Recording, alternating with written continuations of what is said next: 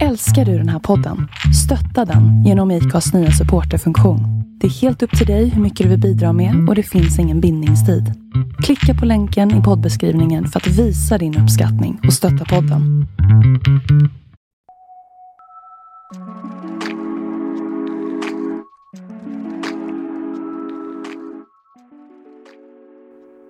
Dagens avsnitt av Folkets Domstol kommer vara lite speciellt. Vi avslutar nämligen säsong 1 av podden med en julspecial där Viktor på allmänhetens efterfrågan satt ihop ett smakprov på sina tentafrågor som vi pratade om i ett eh, avsnitt här nyligen. Och de här tentafrågorna som eh, vi pratar om, de gjorde han när han undervisade i juridik på gymnasienivå. Så att eh, de var väldigt uppskattade där, vi får se hur det känns här i poddformat. Eftersom avsnittet släpps på julafton så tänkte vi att det vore passande att köra all in på ett jultema. Så situationer som kan uppstå under juletid utifrån ett juridiskt perspektiv alltså. Ett par av situationerna är även inspirerade av de frågor som ni har önskat få besvarade när vi ställde frågan på vår Instagram. Och vi tackar såklart för det och uppmanar er som vanligt att gå in och följa oss på Instagram och gå med i vår Facebookgrupp, Folkets Domstol Diskussionsgrupp. Dessutom, som vanligt, så påminner vi om att prenumerera på podden i din podcastspelare. Och nyligen så har Spotify också lanserat en funktion där du kan betygsätta poddar. Så gör gärna det om du vill visa vad du tycker om våran podd. Innan vi drar igång avsnittet så vill vi bara berätta att vi kommer ta ett juluppehåll nu och hoppas vara tillbaka efter nyår.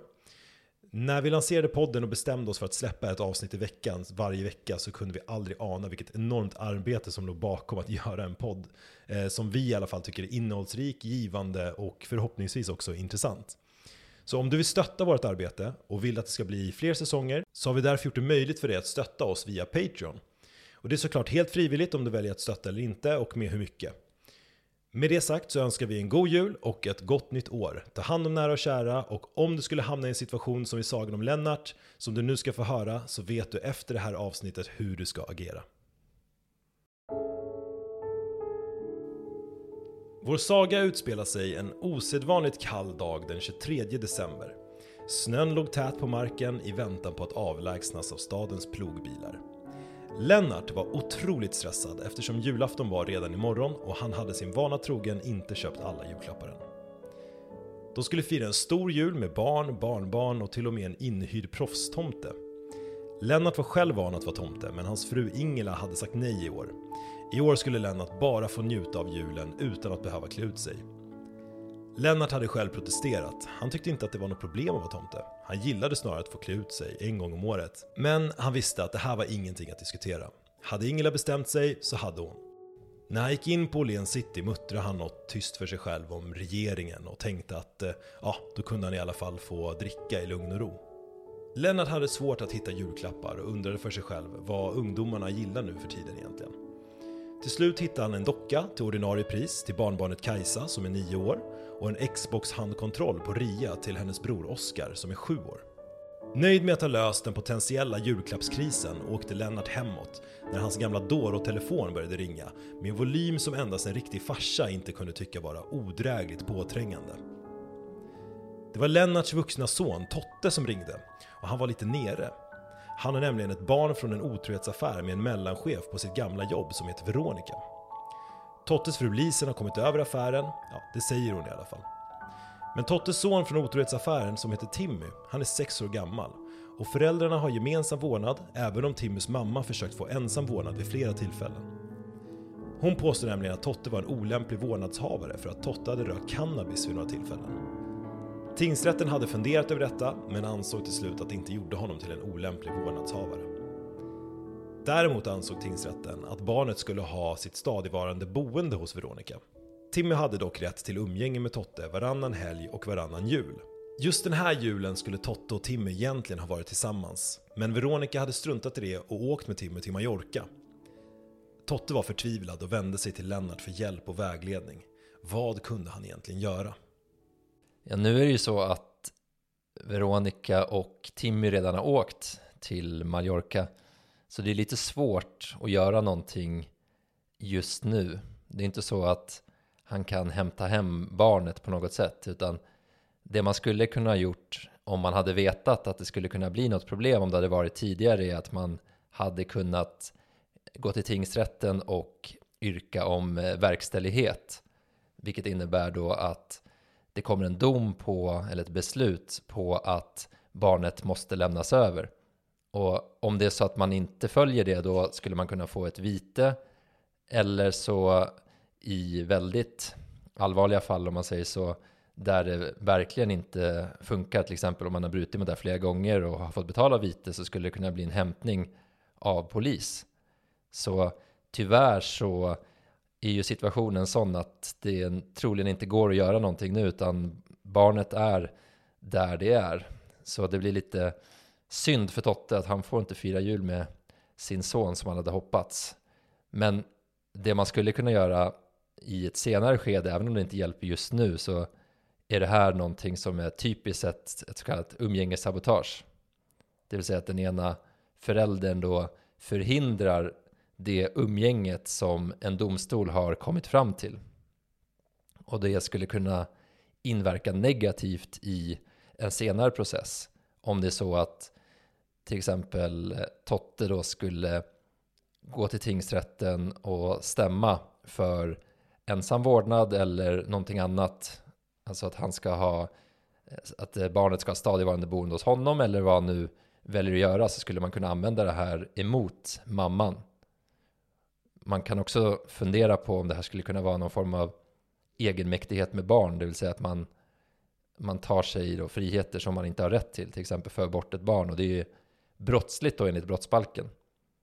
Men eh, där har vi nog lite för lite information för att kunna göra en ordentlig bedömning. Men det är ungefär så, så läget ser ut. Så att just nu så, så får han tyvärr bita i det sura äpplet om man säger så. Och innan vi går vidare den här spännande julsagan där vi vill veta mer om hur det går för Lennart och familjen så kan jag väl nämna att om man vill fördjupa sig i det här med vårdnad, boende och umgänge så kan man ju lyssna på avsnitt 7 där experten Tobias Widing intervjuas angående det här. På julaftons morgon var Lennart rätt så nöjd med att inte behöva vara tomte ändå. Det innebar ju nämligen att han kunde ta sig något starkt direkt efter frukost innan de skulle hem till Tottes familj. Han gillade att ta sig en liten sup efter frukost. Ingela kunde ju köra bilen så det var lugnt. Han satt och slappnade av i sin fåtölj när Ingela höll på att göra sig i ordning. När hon kom ut från badrummet sa hon till Lennarts förskräckelse att hon hade en sån otrolig migrän och frågade om inte Lennart kunde köra ändå. Lennart tvekar någon sekund, men efter att ha gjort en snabb överslagsräkning i huvudet för hur mycket det skulle kosta med taxi tur och retur, för att inte tala om hur mycket jidder det skulle bli om Ingela fick veta att han redan så här tidigt på dagen hade tagit sin sup, så fanns det inte så mycket till tvekan kvar. Lennart var snål och den snålheten tenderade att sudda ut hans omdöme mer än alkoholen i sig. Kanske var det därför han lyckades intala sig själv att han inte druckit så mycket ändå och att det var nog lugnt att köra i alla fall. Han kände ju inget, så hur stort problem skulle det kunna vara? Färden gick ändå bra fram till trafikplats Järva krog där Lennart såg polisen vinka in varannan bil för nykterhetskontroll. Stärkt av sin egen övertygelse tänkte Lennart fortfarande att han hade ju inte något att dölja. Och med ett självförtroende som bara män som Lennart kan uppbåda blåste han i polisens instrument som genast gav ett positivt resultat. Hur var det möjligt, tänker Lennart? Och vad kommer hända nu? Det var väl möjligt eftersom han hade tagit sig något starkt där på morgonen. Exakt vad det var vet vi inte, men det gav i alla fall utslag i den här nykterhetskontrollen. Och det som händer när man får blåsa i en sån här nykterhetskontroll. Först så får man blåsa i ett så kallat sållningsinstrument som kallas för dräger. Och där får man bara ett positivt eller ett negativt utslag. Och det här är inte ovanligt utan de flesta som kör bil mer än väldigt sällan har ju råkat ut för det någon gång att man får blåsa i ett sånt här instrument. För polisen genomför ju ibland sådana här nykterhetskontroller och det krävs ju inte då att man är misstänkt för något brott utan de kan ju få tvinga vem som helst som, som kör bil att få blåsa om de genomför en sån här nykterhetskontroll. Men den här första då, blåsningen, den säger ju egentligen ingenting om hur mycket man har druckit utan det är bara att det är över gränsen. Så sen så ska man få göra då ett riktigt prov om man säger så, där man faktiskt ska mäta hur mycket alkohol man har i utandningsluften. Och då får man blåsa i ett annat instrument och då finns det så här lite olika regler för att man ska, alltså det ska vara rättssäkert. Då instruktionerna är att man ska blåsa två gånger, det ska vara mellan 6 och 9 minuters mellanrum varje, mellan de här blåsningarna då. Och sen så ska man beräkna någon form av medelvärde av de här. Och eh, det kan också vara så att man vägrar att blåsa. Och då har polisen möjlighet att tvinga en att ta ett blodprov. Det kan också vara sådana som inte kan blåsa. Och då kan man också ta blodprov.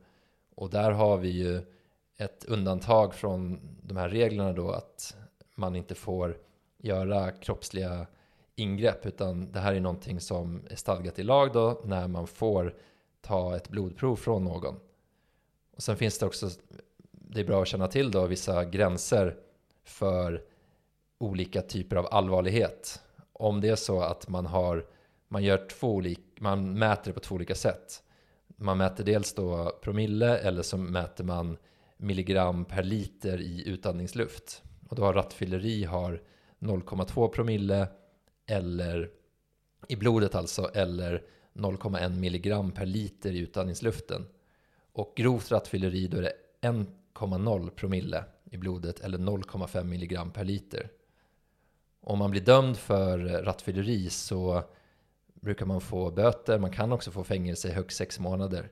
Men vanligt är då att man får böter, men man kan också bli av med körkortet. Eh, det blir man i princip alla fall och eh, det återkallas då under 12 månader i normalfall. Så finns det också, det kan finnas eh, försvårande omständigheter som gör att det blir längre.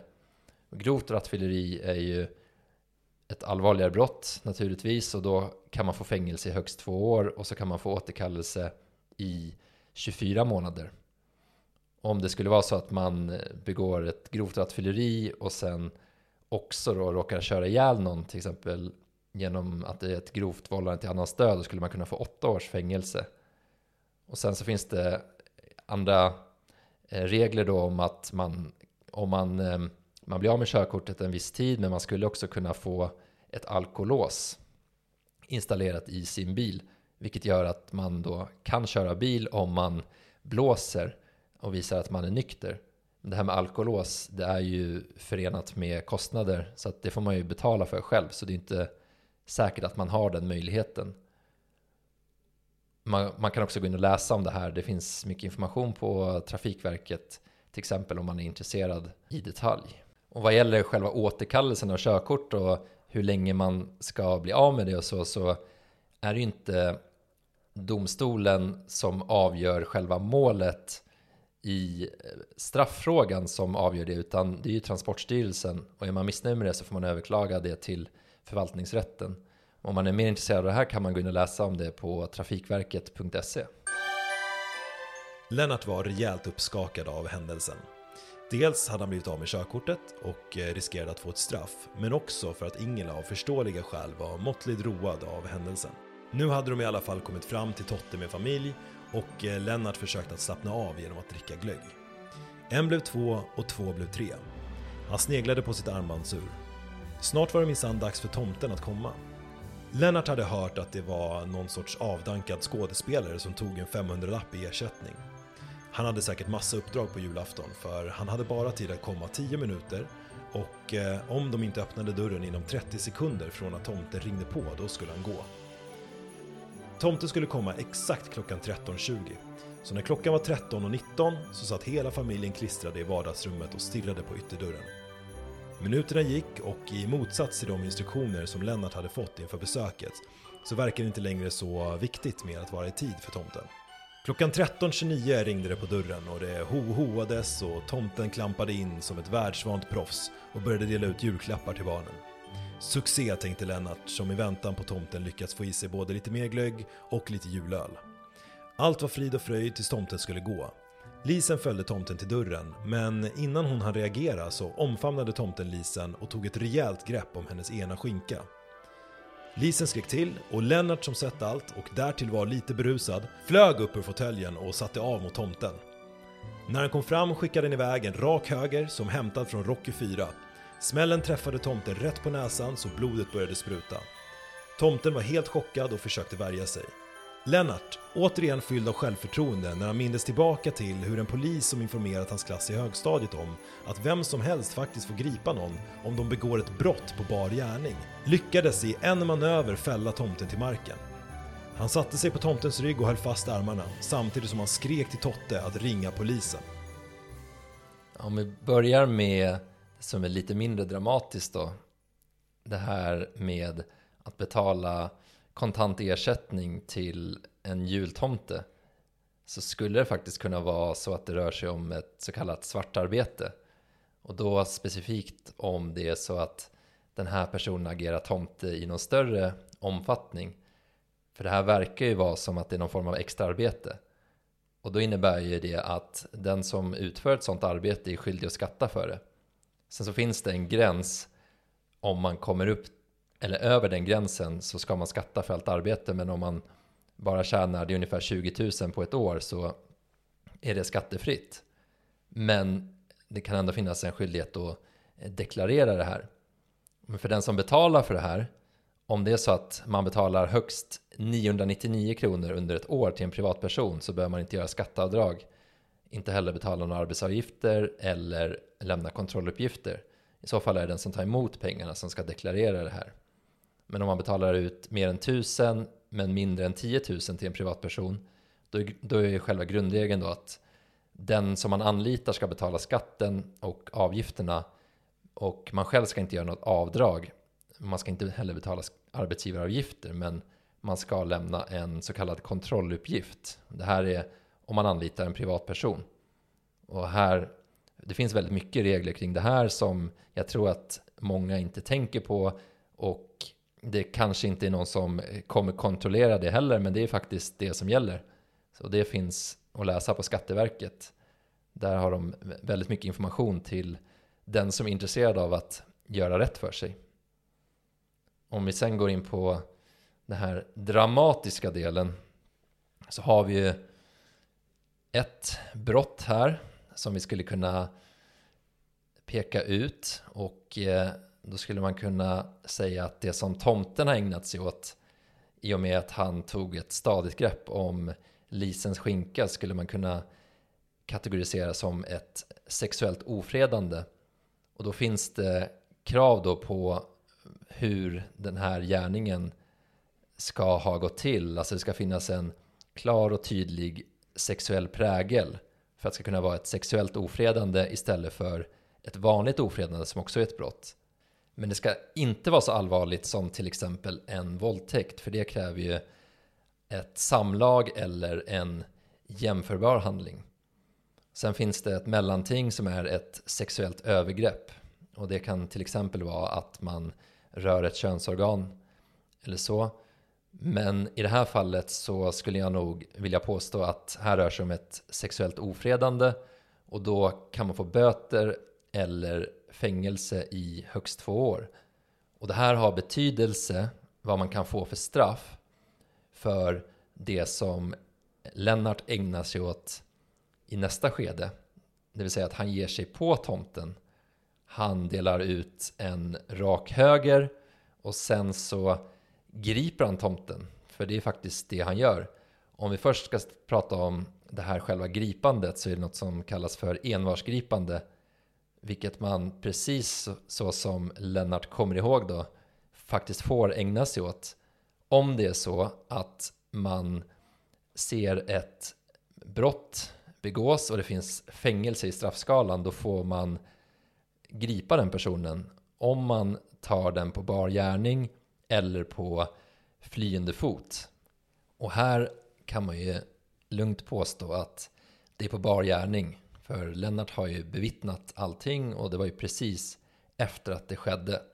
Så här skulle ett envarsgripande vara motiverat och då får man ja, men gripa personen, hålla fast den tills att polisen kommer. Det han också gör innan han utför det här envarsgripandet är att han gör någonting som egentligen kan kategoriseras som en misshandel.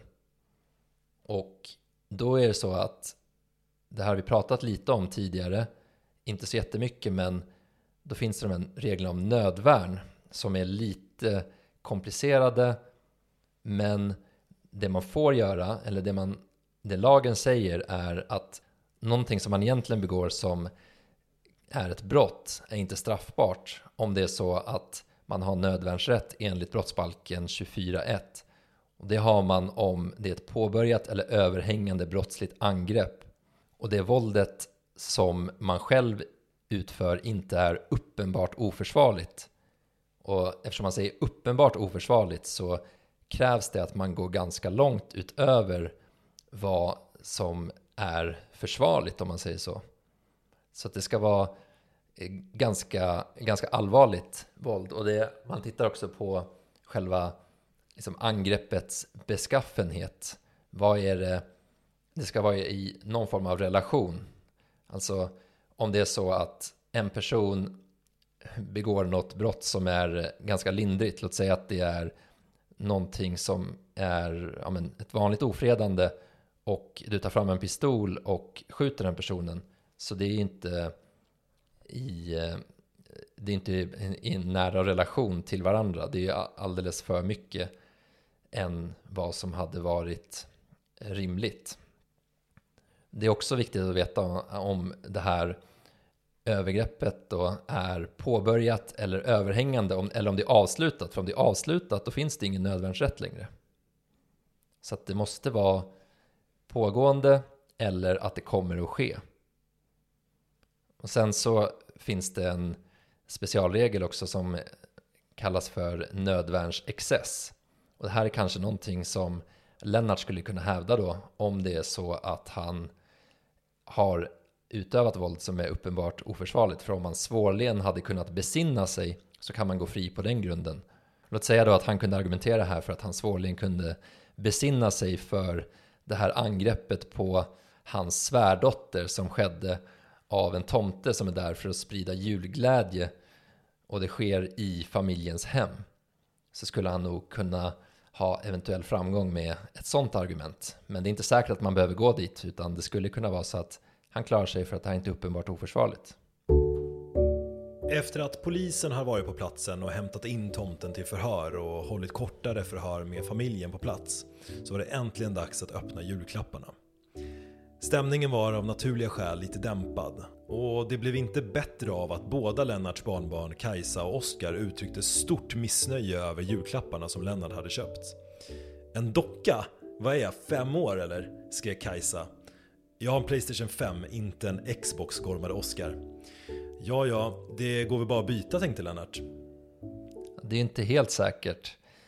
Det är väl ett ganska vanligt missförstånd att man tror att man faktiskt alltid har rätt att få pengarna tillbaka eller byta någonting som man har köpt. Men det är faktiskt inte så, för butiker har ingen skyldighet att erbjuda varken öppet köp eller bytesrätt. Trots det så gör ju de flesta det och det är väl mer av konkurrensskäl eller för att man vill, man vill erbjuda en tjänst till kunderna. Att det är kanske är fler som kommer handla om det är så att man vet att man har den möjligheten. Men om de har erbjudit öppet köp, då så har man rätt att få pengarna tillbaka. Men har de istället erbjudit bytesrätt, då får man byta mot en annan vara eller så kan man få ett så kallat tillgodokvitto, att man får handla i den här butiken någonting annat för, för samma belopp. Men det beror alltså helt och hållet på vilka villkor har den här butiken erbjudit och det brukar framgå av kvittot. Man kan fundera på hur har de marknadsfört det här? Finns det någonting på hemsidan eller så där det står att man har de här rättigheterna? Och står inte det någonstans, nej då har man sannolikt inte det. Så då har man inte den möjligheten. Det finns ingen ångerrätt Däremot så finns det en ångerrätt om man handlar på distans. Då är huvudregeln att man har 14 dagars ångerrätt. Alltså att man helt och hållet kan ångra det här köpet. Och det finns också lite specialregler där, men det är huvudregeln. Och då ska man också komma ihåg att det här är inte samma sak som att man vill byta en vara på grund av att det är något fel eller så. För det har man ju alltid rätt att göra. Det, det följer av konsumentköplagen om det är något fel på själva varan då har man ju alltid rätt att antingen byta eller få den reparerad eller så. Det finns lite olika alternativ och det är butiken som faktiskt kan välja här mellan de här olika alternativen vad de vill erbjuda. Och det här gäller i tre år. Alltså att om det är så att det visar sig att det är något fel på varan inom tre år så har man rätt till det här att, att få byta eller få någonting nytt. Det spelar ingen roll vad butiken säger. Men då är det så att varan måste ha varit felaktig från första början. Det är inte så att om den går sönder, om det är du som har gjort någonting med den, så kan du säga att nej, men den här, den här varan är felaktig. Och en sista sak vad gäller hur man ska visa det här, så om det sker inom sex månader från att man har köpt den här varan, då är det butiken som har bevisbördan för att den här varan inte är felaktig. Men efter sex månader så är det du själv då som måste visa på det. Efter en minst sagt händelserik julafton gick familjen och la sig relativt tidigt. På juldagen vaknade Lennart upp med lätt bakisångest.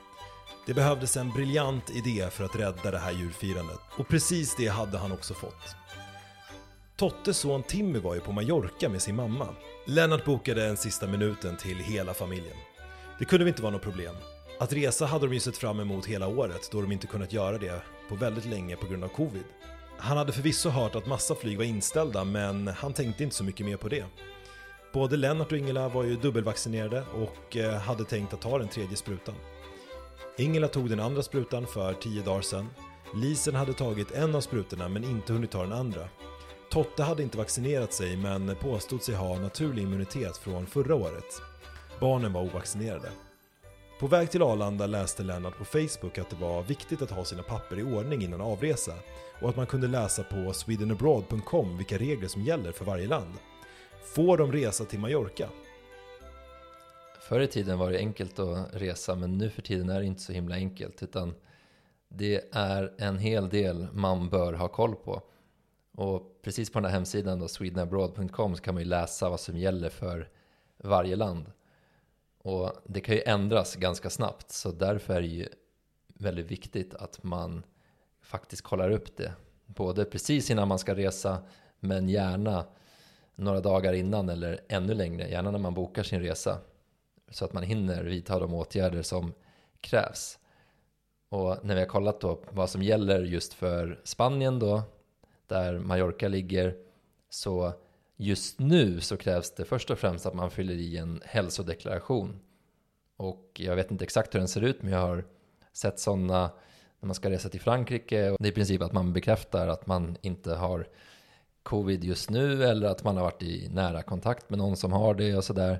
Och exakt vad de gör med de här deklarationerna, det vet jag faktiskt inte. Senast jag reste så fyllde jag i en sån men behövde aldrig lämna in den. Så att jag vet inte om det är lite av spel för gallerierna i vissa fall. Men man ska i alla fall vara medveten om att det krävs egentligen, så det måste man göra för att inte riskera att inte bli insläppt. Och här har ju familjen gjort lite olika saker och Det är ju så att vissa har tagit två sprutor, de har gjort det under olika tider. Vissa har inte tagit någon spruta och så. Och vad gäller Lennart då så har han tagit två sprutor, då kan man få ett vaccinationsbevis som gäller då för inresa. För Ingela då så har hon också tagit två sprutor men den sista sprutan måste tas senast 14 dagar innan man reser. Och hon har bara tagit den inom 10 dagar så därför gäller inte hennes vaccinationsbevis. Däremot så kan man få ett sånt där PCR eller antigentest som kan visa då på att man faktiskt inte är sjuk just nu, som kan räcka. Samma sak gäller då för Lisen som bara har tagit en spruta. Vad gäller Totte då så påstår ju han att han har naturlig immunitet och därför inte har tagit någon spruta. Och då finns det något som kallas för tillfrisknande bevis som får vara max 180 dagar gammalt som visar att man har haft en genomgången sjukdom och tillfrisknat från det. Det räcker också. Och vad gäller för barnen så är de under 12 år och då ska det inte behövas någon form av vaccinationsbevis eller test. Sen så är det ju också andra regler när man väl kommer till en destination att man ska ha munskydd på sig, det ska man ju ha när man flyger, man ska ha det på väldigt många platser i Europa. Vad jag vet så är det inte så vanligt att man ska ha det när man är utomhus Men det har funnits sådana regler också. Men i butiker och eh, på restauranger och så ska man ha det, annars får man inte komma in. Dessutom ska man också kunna visa upp covidbevis eller vaccinationsbevis då på de här ställena i många fall. Men de här reglerna ändras ganska ofta och det kan bli striktare krav. Ibland blir det så att man inte ens får resa in från ett visst land. Så att det är extremt viktigt att ha koll på det här innan man bokar och faktiskt också precis innan man ska resa.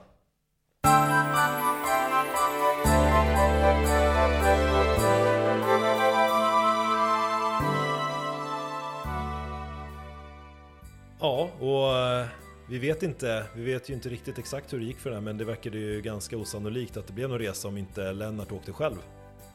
Ja, eller om det var så att eh, familjemedlemmarna familjemedlemmar lyckades få till någon sorts snabbtest på flygplatsen. Och jag vet så brukar man kunna göra det också. Så att eh, det är möjligt att de kom iväg och att eh, sonen Totte då fick ett lyckligt återseende med sin son. Även om det kanske inte var så önskvärt för mamman då att Just få träffa på. Mellanchefen. Exakt. Ja. Så. Ja, vi får väl se om vi kan få anledning att återkomma till eh, Lennart och, och hans ljussaga tidigare eller längre fram. Men eh, nu har vi i alla fall gjort klart en säsong av eh, Folkets Domstol. Hur känns det Viktor? Nej men det känns bra. Jag tycker att vi har lyckats plöja igenom många ämnen som vi tycker är intressanta och som vi är glada över att har fått dela med oss vår kunskap av inom. Så jag eh, uppskattar att vi har kunnat göra det även om det har tagit mer tid än vad man hade kunnat tro. Ja, nej, men jag håller med. Och, nej, men det var väldigt lärorikt och väldigt kul och ett kul projekt. Och vi, jag hoppas att vi får fortsätta att göra det här. Jag tycker att det, det behövs och vi har fått jätte, vi har haft jättemycket fina dialoger med er som lyssnar på podden som hör av sig på Instagram och på mejlen och och lite här och där och lärt känna mycket nya människor också i det här projektet. Och det känns ändå som att det är många som delar vår syn i att det behövs en röst som förklarar juridiken bakom rubriken som vi brukar säga.